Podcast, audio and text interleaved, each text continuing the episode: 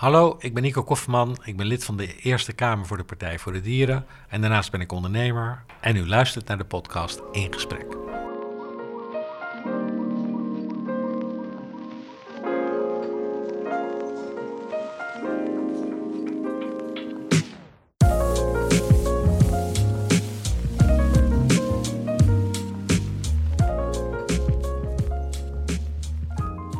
Hallo, ik ben Petra Hogewerf en dit is de podcast van het vakblad Fondsenwerving. Nico Kofferman is een veelzijdige man met een groot hart voor dieren. Hij is communicatieadviseur die aan de wieg stond van talloze succesvolle campagnes. Hij noemt zichzelf een dierenrechtenactivist en was een van de oprichters van de Partij voor de Dieren. Ook was hij betrokken bij de SP, Stichting Wakker Dier en Bond voor Dieren. Hij was onder andere de bedenker van de Nee-campagne, de Tomaat en de viral movies rond Jan Marijnissen, waarmee de SP veel aandacht trok in de verkiezingscampagnes in 2006. Medeoprichter is hij van het bedrijf De Vegetarische Slager en momenteel zit hij in de Eerste Kamer voor de Partij voor de Dieren en is voorzitter van het wetenschappelijk bureau. Daarnaast is hij voorzitter van de Faunabescherming en de Peace Foundation. Een rijk en vol leven, maar wel met één centraal thema, heb ik de indruk. Ja, dat denk ik wel. Dieren. Dieren, rechtvaardigheid. Ja. Waar komt dat vandaan? Nou, ik denk dat het te maken heeft met het feit dat ik uh, geboren vegetariër ben. En voor mijn ouders was dat veel meer uh, een kwestie van uh, bezig zijn met je eigen gezondheid. Dus eh, die dachten dat dierlijke eiwitten minder gezond waren dan plantaardige eiwitten. En nou ja, ik ben ze erg dankbaar voor dat ze me dat meegegeven hebben. Maar voor mij zijn er veel meer thema's bijgekomen om dieren te ontzien. En dat is bijvoorbeeld uh, het feit dat, dat uh, het leven van die dieren zelf uh, rechtstreeks in gevaar gebracht wordt door wat wij mensen doen. Maar ook de, de biodiversiteit, de natuur, het klimaat, het milieu. Dus het heeft eigenlijk alleen maar voordelen om geen dieren te eten. Dus in de loop van de tijd ben ik me er meer in gaan verdiepen, ben ik er meer door gefascineerd geraakt en ben ik me er meer mee bezig gaan houden. En om even terug te gaan naar, naar je studie was economie. Ja. Uh, aan de Erasmus Universiteit. Ja. Was je toen ook al met dat thema bezig? Of ja, ik was... Uh, was je niet een van de weinige studenten die daarmee bezig was? Op deze manier? Ja, een beetje wel, want ik studeerde bedrijfseconomie en de meeste uh, bedrijfseconomie-studenten waren veel meer met geld bezig op een andere manier. Um, maar ik was actief in de milieubeweging met name en in die milieubeweging waren grote ambities en altijd tekorten aan geld. Uh, dus ik heb toen mijn bedrijfseconomie-studie in de afstudeerfase verlegd naar reclamewetenschappen en fondsenwerving gekozen als afstudeeronderwerp, omdat ik zag dat er heel veel geld nodig was bij organisaties uh, die dat niet hadden. En wij kennen ook, elkaar ook al 25 jaar. Ja. Uh, in de periode dat ik jou leerde kennen, was jij een bedreven reclamemaker. Ja. Um, kan je uit die periode nog een campagne noemen die zeer geslaagd was? Ja, als je kijkt naar fondsenwerving, was dat bijvoorbeeld adoptering kip voor biologica. maar eigenlijk is het toepassen van nou ja, laten we zeggen, not-for-profit reclame of non-profit reclame niet beperkt tot fondsenwerving. Dus uh, een hele succesvolle campagne was ook de campagne voor de SP. Uh, de SP probeerde al twintig jaar in het parlement te komen zonder succes. En die hadden op een gegeven moment gevraagd: uh, kun jij eens met ons meedenken? En toen heb ik gezegd: van ja, naar mijn gevoel zou je perspectief moeten kantelen vanwege het feit dat je met nul zetels je ambities nooit kan, kan verzilveren voor je kiezers. Ja. Dus als je tegen mensen zegt, ja, lagere huur en hogere lonen, dan denken mensen, ja, maar die SP die gaat mijn loon verhogen keer nul zetels en mijn huur verlagen keer nul zetels, dus dat gaat niks betekenen. En als ik Partij van de Arbeid stem, die toen nog bijna 50 zetels had, die beloofde minder, maar die konden meer waarmaken vanwege die 50 zetels. Dus ik heb tegen de SP gezegd: zeg niet tegen mensen hoe je utopia eruit ziet. Maar um, zeg tegen mensen: u bent niet tevreden met hoe het gaat in Den Haag en wij ook niet. En mogen wij dat namens u verwoorden? Nou, dat heeft toen twee zetels opgeleverd in de Tweede Kamer. En toen dachten ze: als we dat maar vast kunnen houden. Ik nou ja, dat is voor een revolutionaire partij is dat niet zo'n revolutionaire gedachte. Uh, ik zou proberen om dat te verdubbelen per verkiezing. Nou, dat vonden ze een spannend idee, maar dat is wel gelukt. Dus ze zijn van 2 naar 5 naar 9 naar 15 naar 25 zetels gegaan. En ja, dat had dus veel te maken met het feit dat ze vanaf een andere kant uh, gingen aanvaren, de campagne. Dus jouw kracht was dat je de, de, dezelfde boodschap op een andere manier neerzette ja, en perspectief, kantelde? perspectief kantelen, ja. ja. Is dat ook een, wat je vaker gebruikt als je in communicatie werkt? Ja, eigenlijk doe ik dat bij alle campagnes die ik doe. En uh, ja, die kanteling van het perspectief heeft natuurlijk altijd een ander uiterlijk, altijd een ander voorkomen. Dus het is niet één kunstje wat je voor iedereen toepast, maar het is wel een methodiek die je voor iedereen toepast.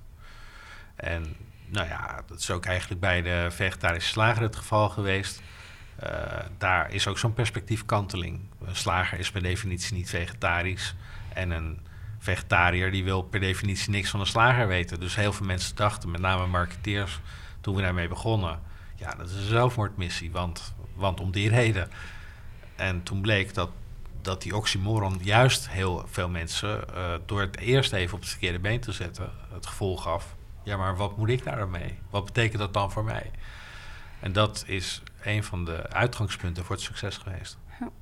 Ik ga even terug naar de, het moment waarop wij elkaar leerden kennen. Ehm, we hadden de allereerste opleiding fondsenwerving in Nederland opgezet. Ja. Uh, ik was er ook op afgestudeerd en, en jij ook. En met een aantal docenten hebben we die opleiding. In 1993 zijn we gestart. Ja. En jij deed altijd een oefening met de cursisten... waarin jij vertelde dat je auto's won. Herinner je nog hoe je dat deed? Ja, ik, ik werkte bij een reclamebureau, dus ik vertelde mensen hoe het eruit zag uh, als ze met slagzinwedstrijden meededen.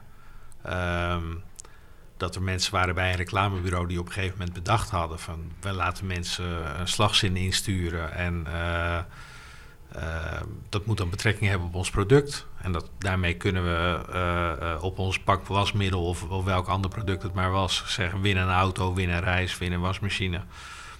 Uh, en die mensen die gaan dan allemaal braaf die bonnetjes insturen. En het probleem Met was... saaie zinnetjes natuurlijk. Saaie zinnetjes. Dus er stonden, uh, laten we zeggen, tien weken nadat ze bij het reclamebureau hadden bedacht... dat er een slagzinwedstrijd zou komen... stonden er elf postzakken in een kamertje langs de wand... En mensen die met frisse tegenzin nog even die, die, die zakken moesten gaan legen en die zinnetjes moesten gaan studeren. En ja, die beginnen daaraan. En na honderd briefjes te hebben gelezen, ingezonde slagzinnen, krijg je eelt op je netvlies. Dus dan zie je gewoon niet meer wat leuk is en wat niet leuk, voor zover er al wat leuks tussen zat. En dan staan er naast die elf postzakken nog een paar grote poststukken die niet in de, in de, in de zak pasten. Wat niet de opgave was, maar waar ze wel naar gingen kijken.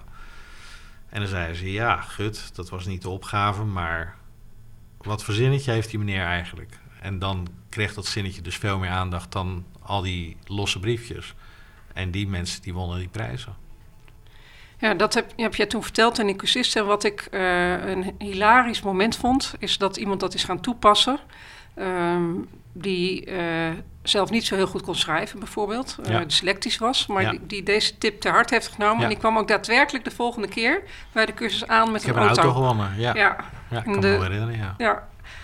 Dus nou ik heb het bij mij op, op het reclamebureau gezien. Daar waren ook mensen die zeiden: Ja, maar jij bent tekstschrijver, dus je, mag dat, je zou eigenlijk niet mee mogen doen. Ik zei: Ja, dat is een beetje hetzelfde als dat je tegen um, Daphne Schippers zegt: Ja, maar jij kan heel hard lopen, dus jij mag niet meedoen. Dat is natuurlijk een beetje onzin.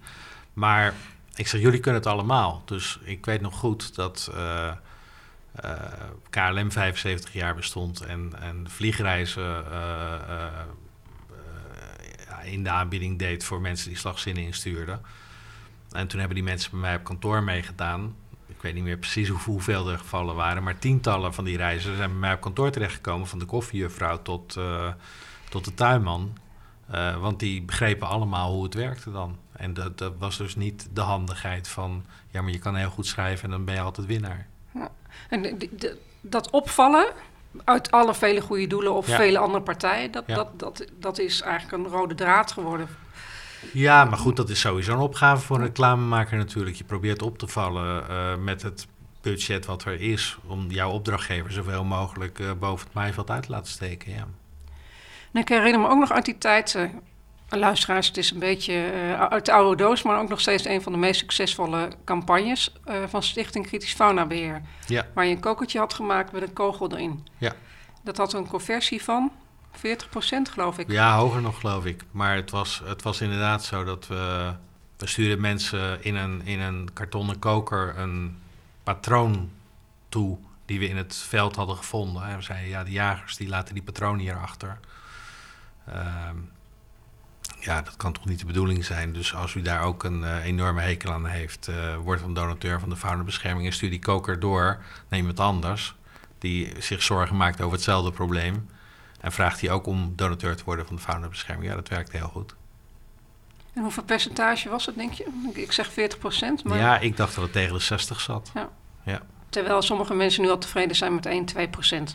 Ja, het is ook moeilijker geworden. Dus in die zin uh, kan ik me ook voorstellen dat als je destijds dingen deed die buiten de orde waren, dan, dan viel dat meer op en had je een hogere scoringspercentage dan vandaag de dag het geval zou zijn.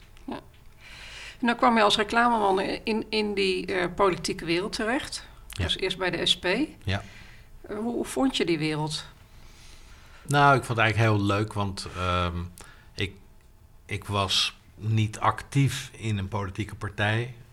Um, maar ik had. Um, in Maasluis was het zo. Ik woonde in Maasluis aan de rand van een natuur- en recreatiegebied. En in dat gebied uh, zou een skiheuvel komen. Er was al een wielerbaan en een kanovijver en er zou ook een skiheuvel komen. En nou ja, heel veel mensen dachten, ja, dat zijn allemaal leuke dingen voor de mensen. Dus nou ja, nou dit nog. En toen was die zaak al helemaal door de procedure heen. En toen waren er een aantal mensen, ook koninklijk besluit was er al, dat het zou doorgaan. En toen waren er een aantal mensen die vroegen zich af, hoe krijg je eigenlijk een heuvel van 30 meter hoog in een polder? Waar, waar komt die heuvel vandaan? En toen zeiden die overheden van ja, dat waren we vergeten te zeggen, maar we hebben nog wat overtollig uh, havenslip en bouw- en sloopafval. En dat gaan we daar storten. Troep dus. Ja, en dan gaan we dat afdekken. Dus maak je geen zorgen, want we dekken het helemaal af. En er komt een percolatiesysteem, zodat als er, uh, uh, laten we zeggen, dioxine uit die heuvel gespoeld wordt, dan wordt dat opgevangen in een bak daaronder. En dat brengen we dan weer naar de afvalverwerking Rijnmond. Nou, die stond daar precies aan de overkant, dus dat werd dan verbrand daar. Die dioxine die kwam in die rook weer naar buiten. Het was in dat gebied ook zo dat inmiddels de koeien wel gemolken werden, maar de melk moest worden afgevoerd omdat er te veel dioxine in zat. En dat gold ook voor het hooi. Um, dus ja, eigenlijk geen probleem. Gaan jullie nou maar lekker skiën en wij zorgen dat er geen problemen van komen. Nou, dat vonden we toch wel een probleem. En Lem Munnik, die woonde aan de andere kant van dat gebied. De cartoonist van Trouw, politiek tekenaar van Trouw. En we kwamen elkaar met enige regelmaat tegen. En we hebben toen tegen elkaar gezegd van ja, dat kunnen we niet laten gebeuren. Maar goed, er was al een koninklijk uh, besluit, dus dat was niet meer aan te vechten juridisch. Toen hebben we gezegd, nou, weet je wat, er was in diezelfde periode ook een koninklijk verzoek gedaan, namelijk om meer bomen te planten. Dus wij hebben toen gezegd, laten we dat koninklijk besluit en dat koninklijk verzoek tegen elkaar plakken. We gaan op die beoogde stortlocatie gaan wij bomen planten. Dus we hebben uh, mensen gemobiliseerd, uh, 20.000 boomchecks uh, verkocht in de voorverkoop. En in één dag een bos van 20 hectare geplant. Um, maar nou kan ik wel zulke dingen bedenken, maar ik kan het niet goed uitvoeren. Daar ben ik veel te onhandig voor. Uh, en er waren mensen die dat wel uitvoerden. Dus die zorgden dat die 20.000 bomen in de voorverkoop binnen drie weken verkocht waren. En dat bleken mensen van de SP te zijn. En nou ja, die hebben toen eigenlijk de hele organisatie van die plandag uh, uh, ter hand genomen. En die hebben dat echt fantastisch gedaan. Dus dat bos was gerealiseerd. Er was een grote tent, er was muziek, er waren broodjes en soep. En na afloop van die plantdag stond er niet alleen een bos, maar was er ook nog 100.000 gulden over uh, om het bos te onderhouden. Dus die SP'ers hadden daar echt heel goed werk gedaan. En die zeiden toen, na afloop, ja, wij hebben altijd reclame en fondsenwerving en, en, en, en, en, campagnes hebben we altijd in eigen beheer gedaan, omdat we verder niemand vertrouwen. Maar ja, uh, we hebben met jou heel goed samengewerkt voor dat bos. Kan je eens met ons meedenken voor die partij? Zo is het eigenlijk gekomen daar.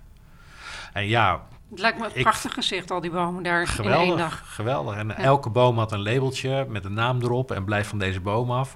En inderdaad, de de, de politici die verantwoordelijk waren, die durfden het niet aan om dat bos opzij te schuiven. Terwijl ze er wel mee gedreigd hadden.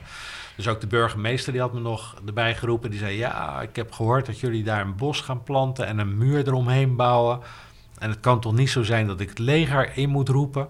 Dus, nou als die willen helpen, heel graag natuurlijk. Maar uh, ja, dat was niet helemaal zijn gedachte. Maar ik vond het dus hele leuke mensen van die SP die daar zo actief waren om, om dit uit te voeren. En, nou ja, Is dat jouw eerste echte politieke daad geweest? Mm.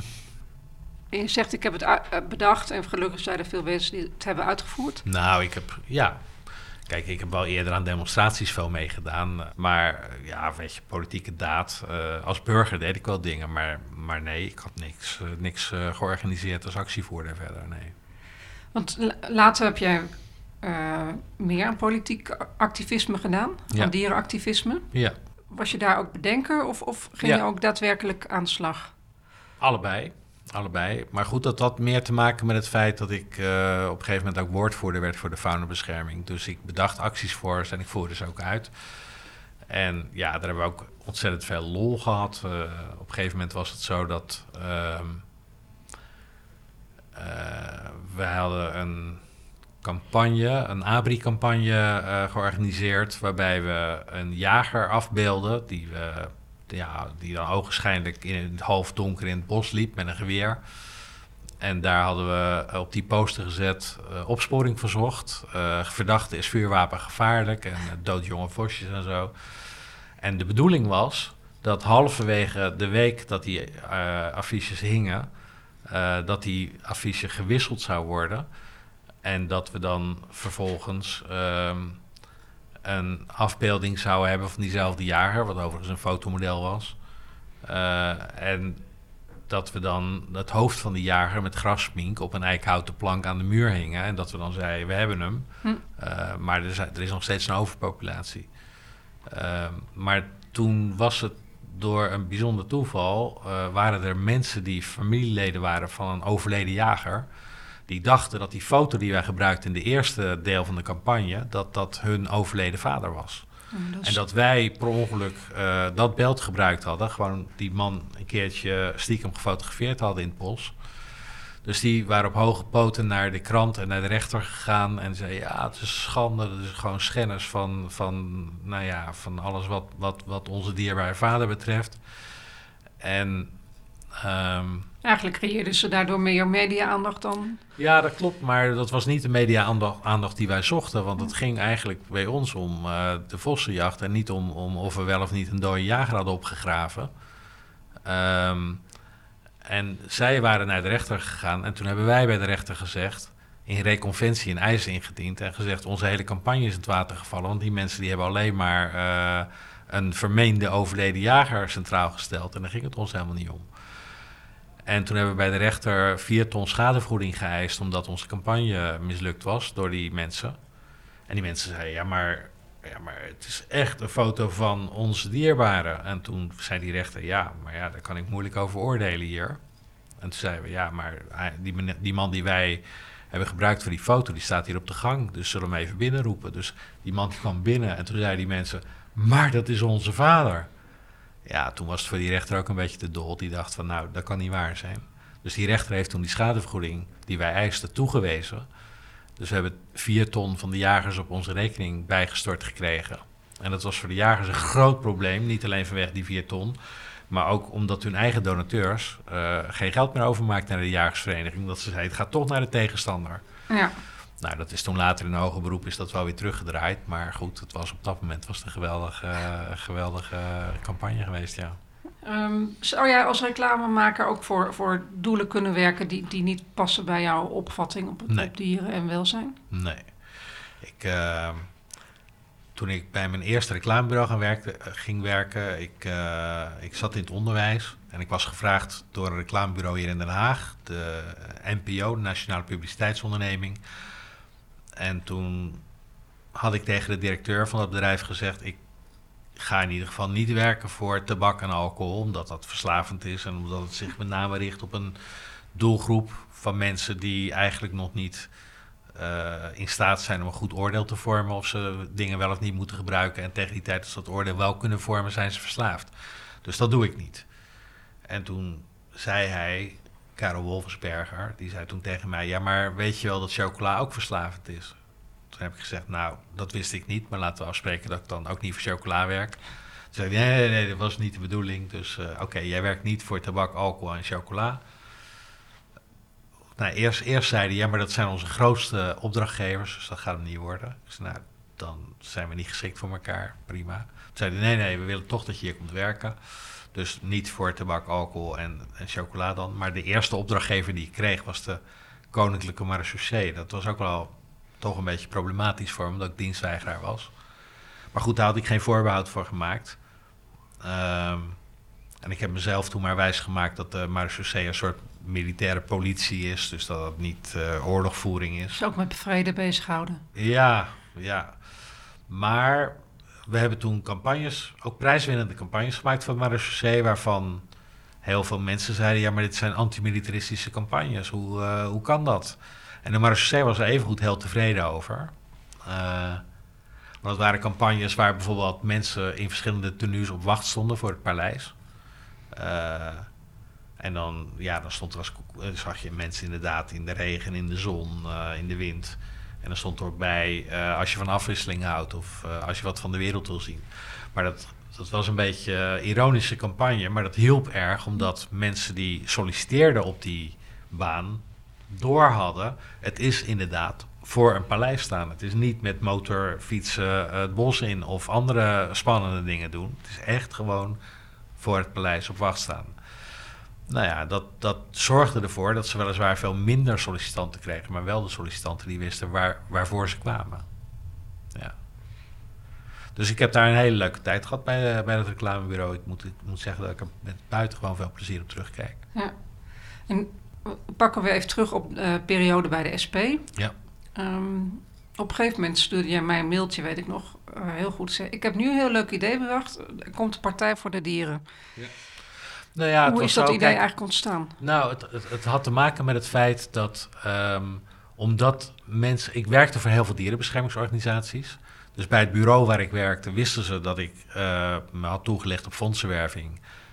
En ja, goed, als een, als een dierenbeschermingsorganisatie dan een reclamebureau wilde hebben, dachten ze, dan kunnen we beter bij hem gaan. Want hij, is, hij staat aan onze kant. Hij is zelf ook activist en vrijwilliger.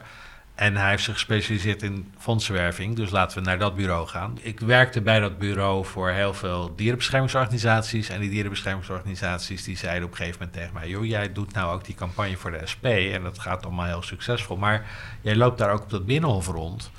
Um, wij hebben een probleem, want we gaan elk jaar bij alle fracties langs... Uh, ja, om te vertellen wat er mis is met de dieren en wat eraan gedaan zou moeten worden... En we worden keurig ontvangen met koffie en een koekje. En ze luisteren heel belangstellend en ze zijn ook heel belangstellend. Maar ze doen er nooit wat aan, omdat in de mensenprioriteiten de dieren gewoon ja, op een plek staan waar ze niet aan de beurt komen. Wat kunnen we daaraan veranderen? En toen heb ik tegen ze gezegd, dat was begin jaren 90, 1992. Ja, je zou een partij voor de dieren op kunnen richten. En toen, ja, die mensen die zeiden allemaal, ja, dat is wel een leuk idee, maar wie gaat het dan doen? Ik zei, nou, ik niet.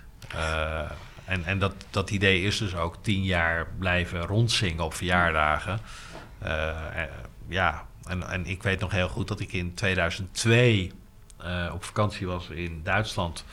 En gebeld werd door Marianne Thieme en Lieke Keller. En die zei, we gaan het doen. Lieke zei, Keller zat toen bij de Bond voor Dieren, denk ja, ik. Ja, klopt.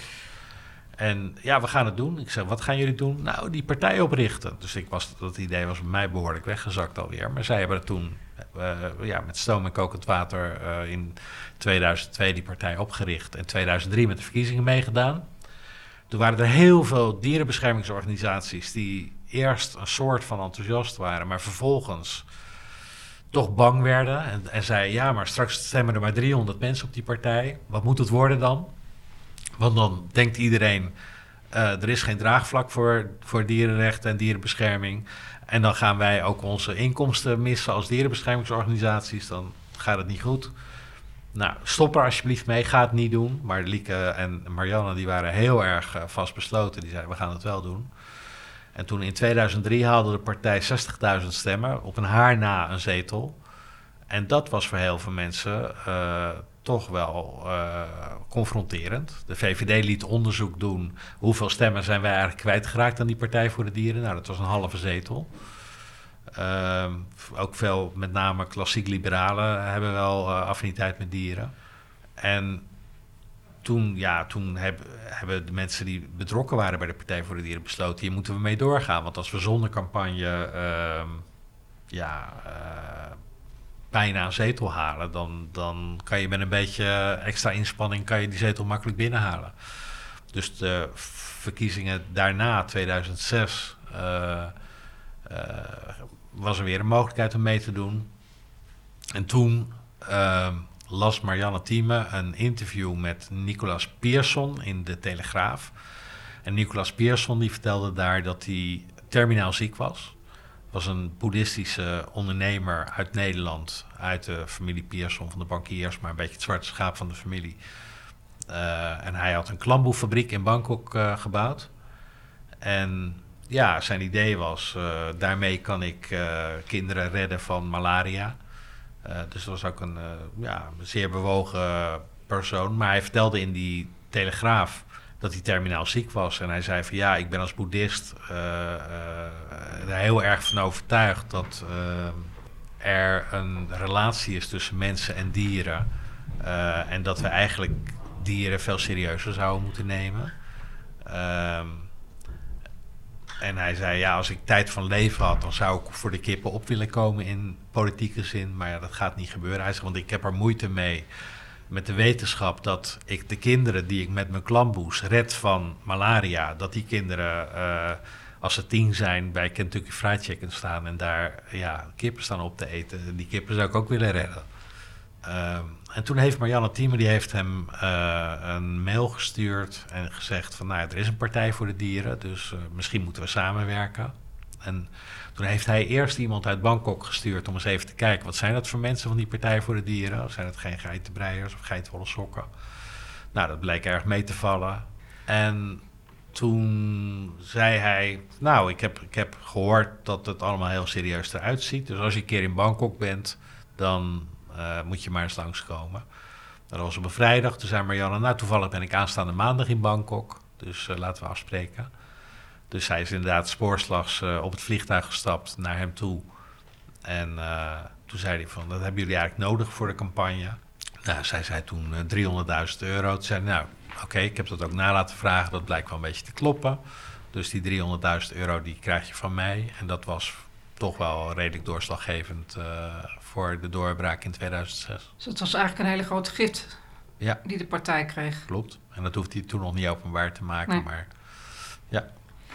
Uh, en met die gift is uiteindelijk dan zijn er Kamerleden gekomen. Ja.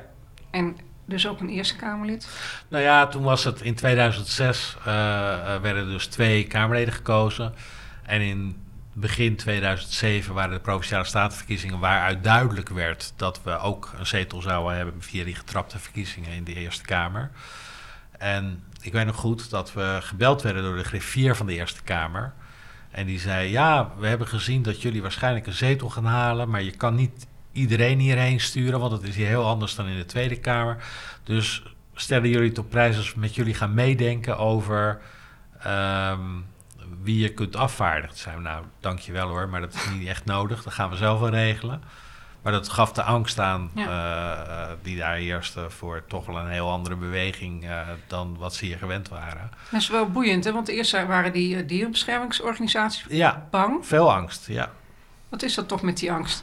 Nou ja, dat heeft alles te maken met het feit dat mensen van nature niet erg tot verandering geneigd zijn. En dat ja. de mieren in je keukenkastje de baas van je keuken kunnen worden. Dat vinden mensen geen fijn idee. Dat is bedreigend. En volgens mij zit het ook niet zo in elkaar bij jullie. Helemaal niet. Maar, maar ja. laten we zeggen, de, de, uh, het ongemak wat het oproept in je denken. Dat is ook het ongemak. Daar komt die kanteling van het perspectief weer. Dat ongemak in je denken. Van een vegetarische slager, help. Wat betekent dat voor mijn maaltijd? Of uh, een partij voor de dieren. Wat betekent dat voor mijn keukenkastjes? En wat betekent dat voor mijn plaagdierbestrijding. Ja. dat is voor mensen moeilijk om te accepteren. En mensen, mensen realiseren zich niet dat van het leven op aarde maar 0,01% de mens uh, representeert. Of omgekeerd, de mens 0,01% van het leven representeert. En dat de 99,99% helemaal onder de duim gehouden wordt door die 0,01%. En dat het een krankzinnige situatie is. Ja. We gaan uh, nog even in op fondsenwerving bij partijen. Ja. Um, want fondsenwerving, de grote gift kwam dus uit het buitenland, zou je kunnen zeggen? Ja, in dit geval wel. Um, hoe is tegenwoordig fondsenwerving bij partijen georganiseerd? Nou ja, niet veel anders. Um, kijk, het is zo dat er nu stringentere regelgeving is. En dat heeft dan vooral betrekking op uh, openbaarheid. Dus um, als je giften, ik geloof meer dan 4000 euro, 5000 euro krijgt, dan moet je openbaar uh, maken wie dat dan is, je giftgever. En daar is best wat voor te zeggen, omdat uh, nou ja, als er grote giften komen uit het buitenland, bijvoorbeeld van dictatoriale regimes, ja, dan zou je toch willen weten als een partij daardoor gefinancierd wordt. Dus ik heb daar op zich niet zoveel moeite mee, maar er zijn natuurlijk duizend manieren om dat te, te, te omzeilen. Dat zal ook massaal gedaan worden. Ja. En, en, zet jij ook je fondswervende talenten in voor de Partij voor de Dieren? Zeker, ja. We hebben bijvoorbeeld uh, um, toen uh, het kabinet besloot om natuur in de uitverkoop te doen, hebben wij... Um, uh, natuur ter adoptie aangeboden aan mensen. Dus we hebben tegen mensen gezegd: je kunt je eigen natuurreservaat bij ons reserveren. Of dat nou een natuurreservaat van 1 vierkante meter is of voor 100 vierkante meter. Uh, per vierkante meter kon je een stuk, stukje natuur adopteren. En we hebben voor dat geld um, natuur uh, aangekocht. Dus we hebben nu een eigen natuurgebied van 50 hectare. Ik denk dat we de enige politieke partij ter wereld zijn met een eigen stuk van het land. Waar zit dat? Uh, in Daarle, in Overijssel. En uh, we hebben ook uh, natuurwerkdagen daar met onze leden. En dat, is, dat vinden mensen fantastisch. En het was voor het ministerie aanleiding om meteen die natuurverkoop stop te leggen nadat wij dat hadden gekocht. Omdat ze zich wel realiseerden dat dat, dat, dat laten we zeggen, voor hun de vijand, dat een te veel succes voor de Partij voor de Dieren zou kunnen opleveren. Ik zie je ogen een beetje twinkelen. Ik vind je het houdt leuk er om te wel doen. van om dit ik soort vind, dingen ik te vind bedenken. het erg leuk om te doen, ja. Daar, zullen ze me niet snel van, vanaf gaan houden. Nee, dus dat doen we nog steeds. Uh, de goede doelensector heeft natuurlijk ook te maken met de wetgeving. Ja. En onder andere dat aan goede doelen uh, waarschijnlijk in de conceptwet transparantie voor maatschappelijke organisaties gezet gaat worden. Ja. Dat giften vanaf 15.000 openbaar gemaakt moeten ja. worden. Wat is jouw standpunt daarover? Nou, het is... Um, het is vaak ondoordachte wetgeving. Dat is een probleem. Kijk, ik heb helemaal geen probleem met wetgeving die stuurt op transparantie. Want ik vind het goed dat er transparantie is. Maar als je wetgeving hebt die eigenlijk zijn doel voorbij schiet. En daar is hier denk ik sprake van.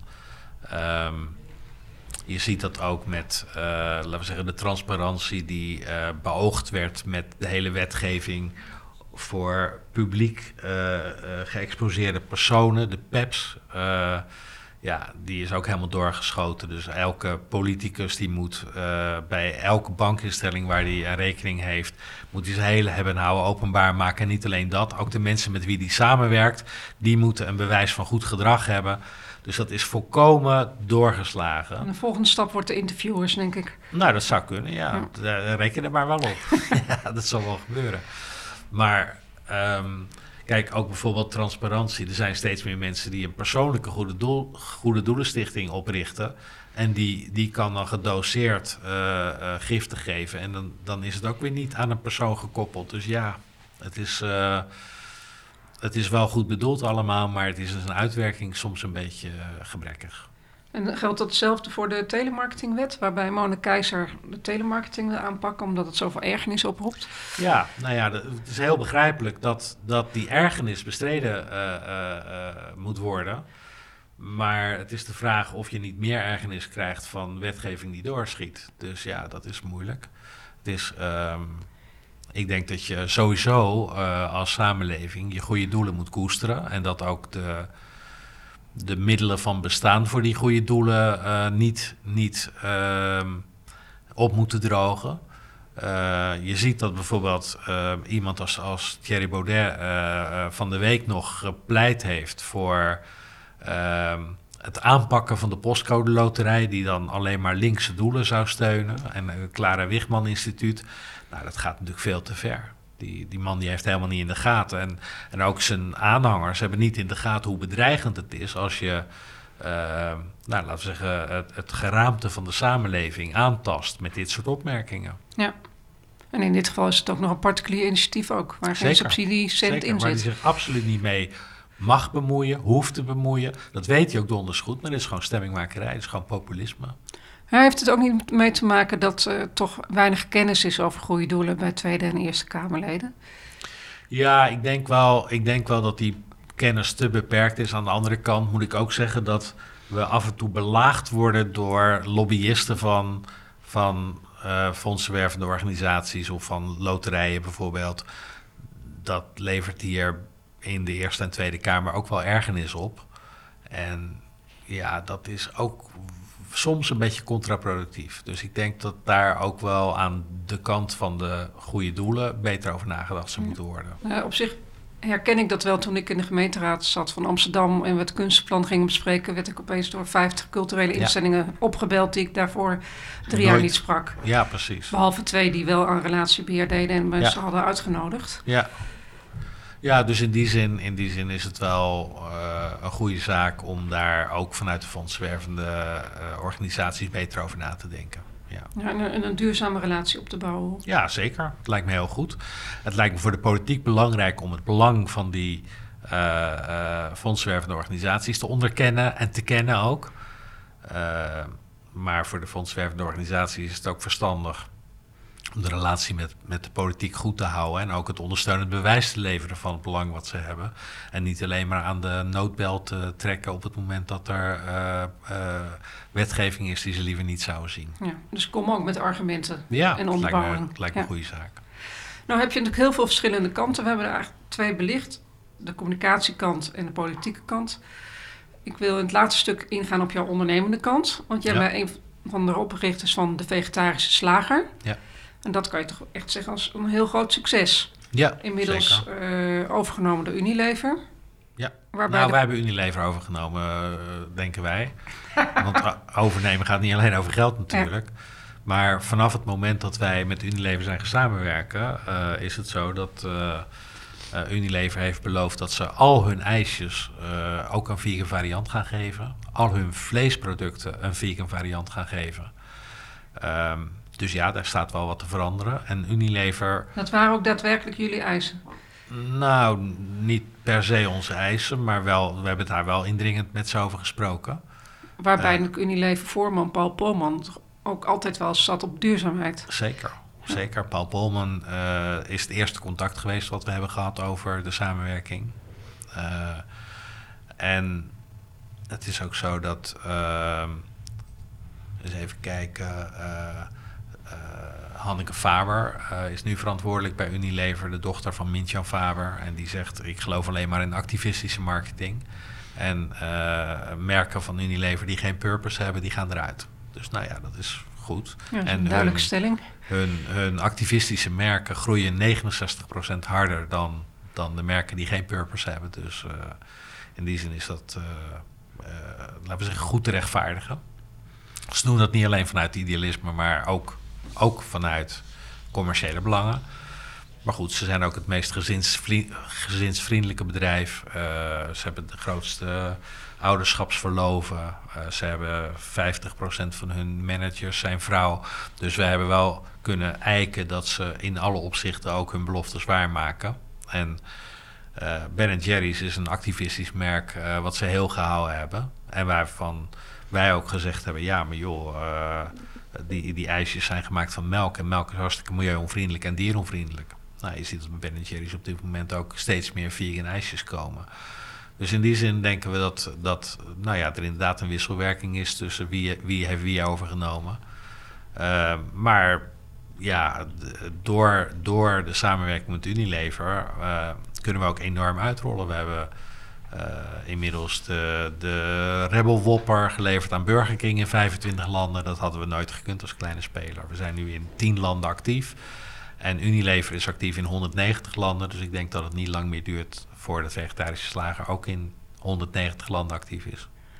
En het grappige is dat Unilever... Hoe heet het dan in het buitenland? De Vegetarian Butcher. De Vegetarian Butcher. Hm. En um, het grappige was dat Unilever, zonder dat wij dat wisten, lang voor die overname ook onderzoek gedaan heeft naar hoe herkennen mensen dat merk? Snappen mensen wat het betekent? Dus ze hebben aan die mensen gevraagd: Vivera, wat denk je? Geen idee. Oemf, wat denk je? Geen idee. Goodbite, geen idee. En de Vegetarian Butcher, ja, snapten mensen wel wat het betekende. Dus dat Want daar zit ook alweer die omkering in, waar we het aan het begin van het gesprek over hadden. Zeker. Het ongemak en, en, en de, kanteling van het perspectief, dat is wel bepalend ook voor het succes. Onder andere bepalend voor het succes. Zijn er nog, nog andere succesfactoren? Ja, een hele belangrijke succesfactor was bij de vegetarische slager wat doorslaggevend, is dat Jaap Korteweg een vleesverslaafde was. Uh, wij zijn elkaar bij toeval tegengekomen op een camping in uh, Frankrijk. En uh, wij zaten daar aan een maaltijd. En ja, hij stelde zich voor als boer. En ik was lid van de Partij voor de Dieren, actief in de Eerste Kamer.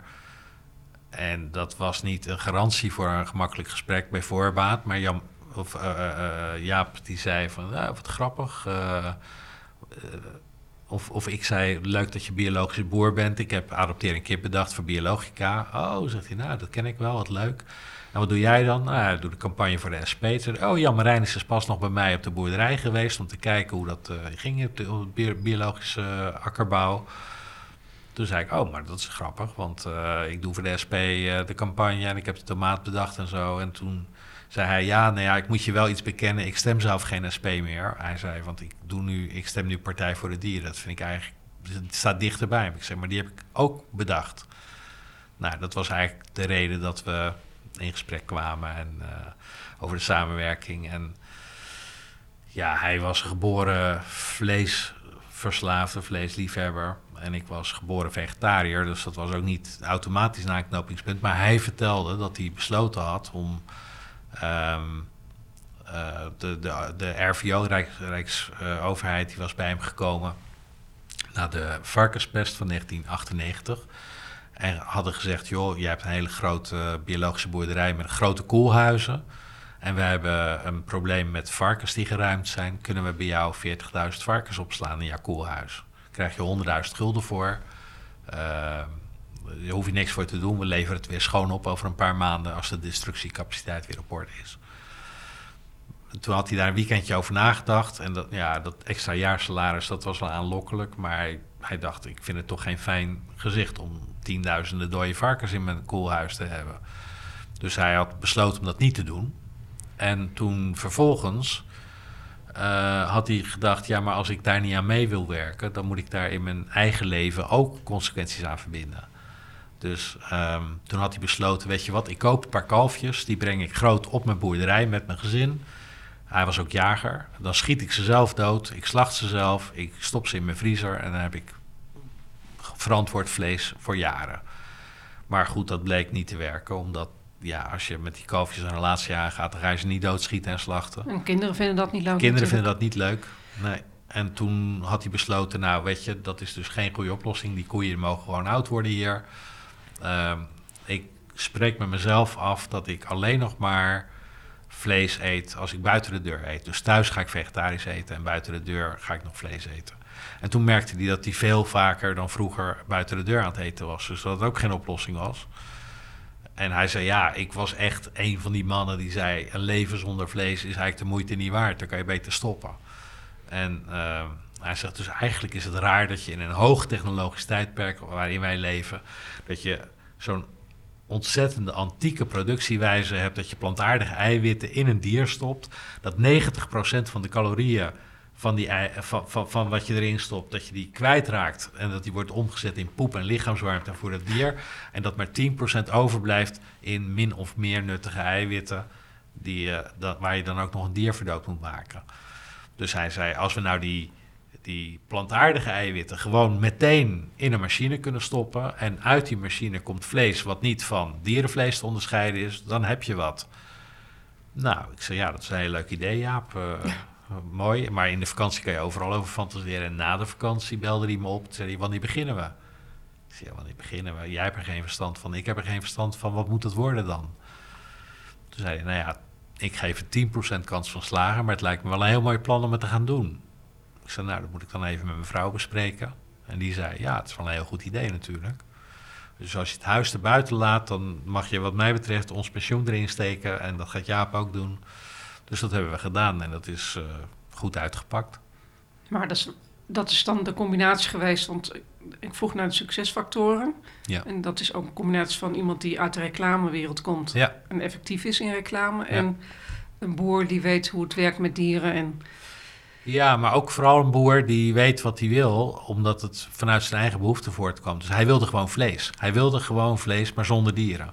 Dus hij was ook het smaakpanel wat uit één persoon bestond. Dus we hebben heel veel lekkere producten ontwikkeld waarvan hij zei: het is lekker, maar het is geen vlees. Dus hij zorgde ervoor dat het echt vlees was, of vergelijkbaar met vlees was, in smaak, in bite, in textuur, in voedingswaarde. En dat zorgde ervoor dat we echt met een ander een andere vleesvervanger of een vleesopvolger op de markt kwamen. Dus dat het serieus genomen werd. Terwijl heel veel vleesvervangers, die komen van vleesproducenten, die weten dat elk gezin een lastige dochter heeft die geen vlees eet. En die wil ook een schijf op de barbecue. Maar voor de rest maakt het niet uit wat erin zit of hoe die smaakt. Dus dat hebben we anders aangepakt. En dat heeft echt wel een uh, behoorlijke omslag teweeggebracht. Nou, ben je daar zeer succesvol in geweest. Ja. En dan heb ik begrepen dat je nu weer een nieuw project hebt. Ja, er waren heel veel mensen die toen we het bedrijf verkochten zeiden... joh, uh, niet meer omkijken, want uh, zo'n multinational die gaat gewoon je bedrijf kapot maken. Dus, dus kijk maar niet meer om, wees maar blij wat je gekregen hebt ervoor. Koop een boot en ga wat leuks doen. Maar wij zijn allebei niet van het varen. En, uh, dus wij dachten, nou, we gaan iets anders doen. We gaan sowieso door met ons ideaal om dieren te bevrijden uit de voedingsketen. Ehm, dus we hebben toen besloten om een laboratorium te kopen... Uh, waar we melk gaan maken zonder dat de koeien aan te pas komen. Dus we maken met microbiële processen maken we uh, caseïne. En die caseïne is geschikt om, uh, nou ja, dat we zeggen, kaas, melk, yoghurt, melkchocola, boter, alles te maken waar tot nu toe koeien voor nodig waren. Ja. En dat gaat ook weer net zo goed smaken als de gewone melk? Ja, ja. En eh, wat is jouw droom voor over 20 jaar? Je hebt volgens mij, jij pas nog van de plannen. Ja, nou ja, over 20 jaar ben ik 80. Ik zou het leuk vinden als ik kleinkinderen heb tegen die tijd. En, uh, en dat het melkproject afgerond is. Want het is wel een lange termijn project ook. Ja, ik denk dat het een jaar of uh, vijf tot acht gaat duren voordat, uh, voordat alle producten die we voor ogen hebben op de markt zullen zijn. Maar omdat we met vegetarische slagen heel veel succes hebben gehad, uh, worden we benaderd van alle kanten door bedrijven uh, die kaas maken, die melk maken, die yoghurt maken, die melkmachines verkopen op dit moment om koeien te melken. Die allemaal zeggen: ja, uh, als jullie zeggen dat het er heel anders uit gaat zien, kunnen we dan samenwerken. Want als er straks geen koeien meer gemolken moeten worden, dan moeten wij toch wat anders doen. Ja. En hoe gaat het dan verder met de koeien? Oh, met die koeien gaat het heel goed, want die kunnen gewoon lekker in de wei uh, lopen. Ja, dus iedereen die zorgen over koeien heeft, die moet zeggen: Nou, het moet in ieder geval niet zoals het nu gaat. Want uh, geen enkele koe is levensmoe, zeg ik wel eens. En ja, het is ook zo dat, dat mensen zeggen: Ja, maar een koe die een heel goed leven heeft gehad. Nou, ik hoorde Jaap zondag nog in een tv-uitzending zeggen: Ja, hoe beter het leven is wat die koe gehad heeft, hoe minder graag die dood wil. En de, zo is het ook natuurlijk. Ja. Dankjewel voor dit gesprek. Oké, graag gedaan. Ik sprak met Nico Kofferman en wij gingen langs verschillende kanten van zijn carrière. De communicatiekant, de politieke kant en de ondernemende kant. En daarnaast gewoon hebben we het gehad over zijn idealen rondom dierenactivisme en dierenwelzijn. Oké, nou dankjewel voor je komst. Graag gedaan.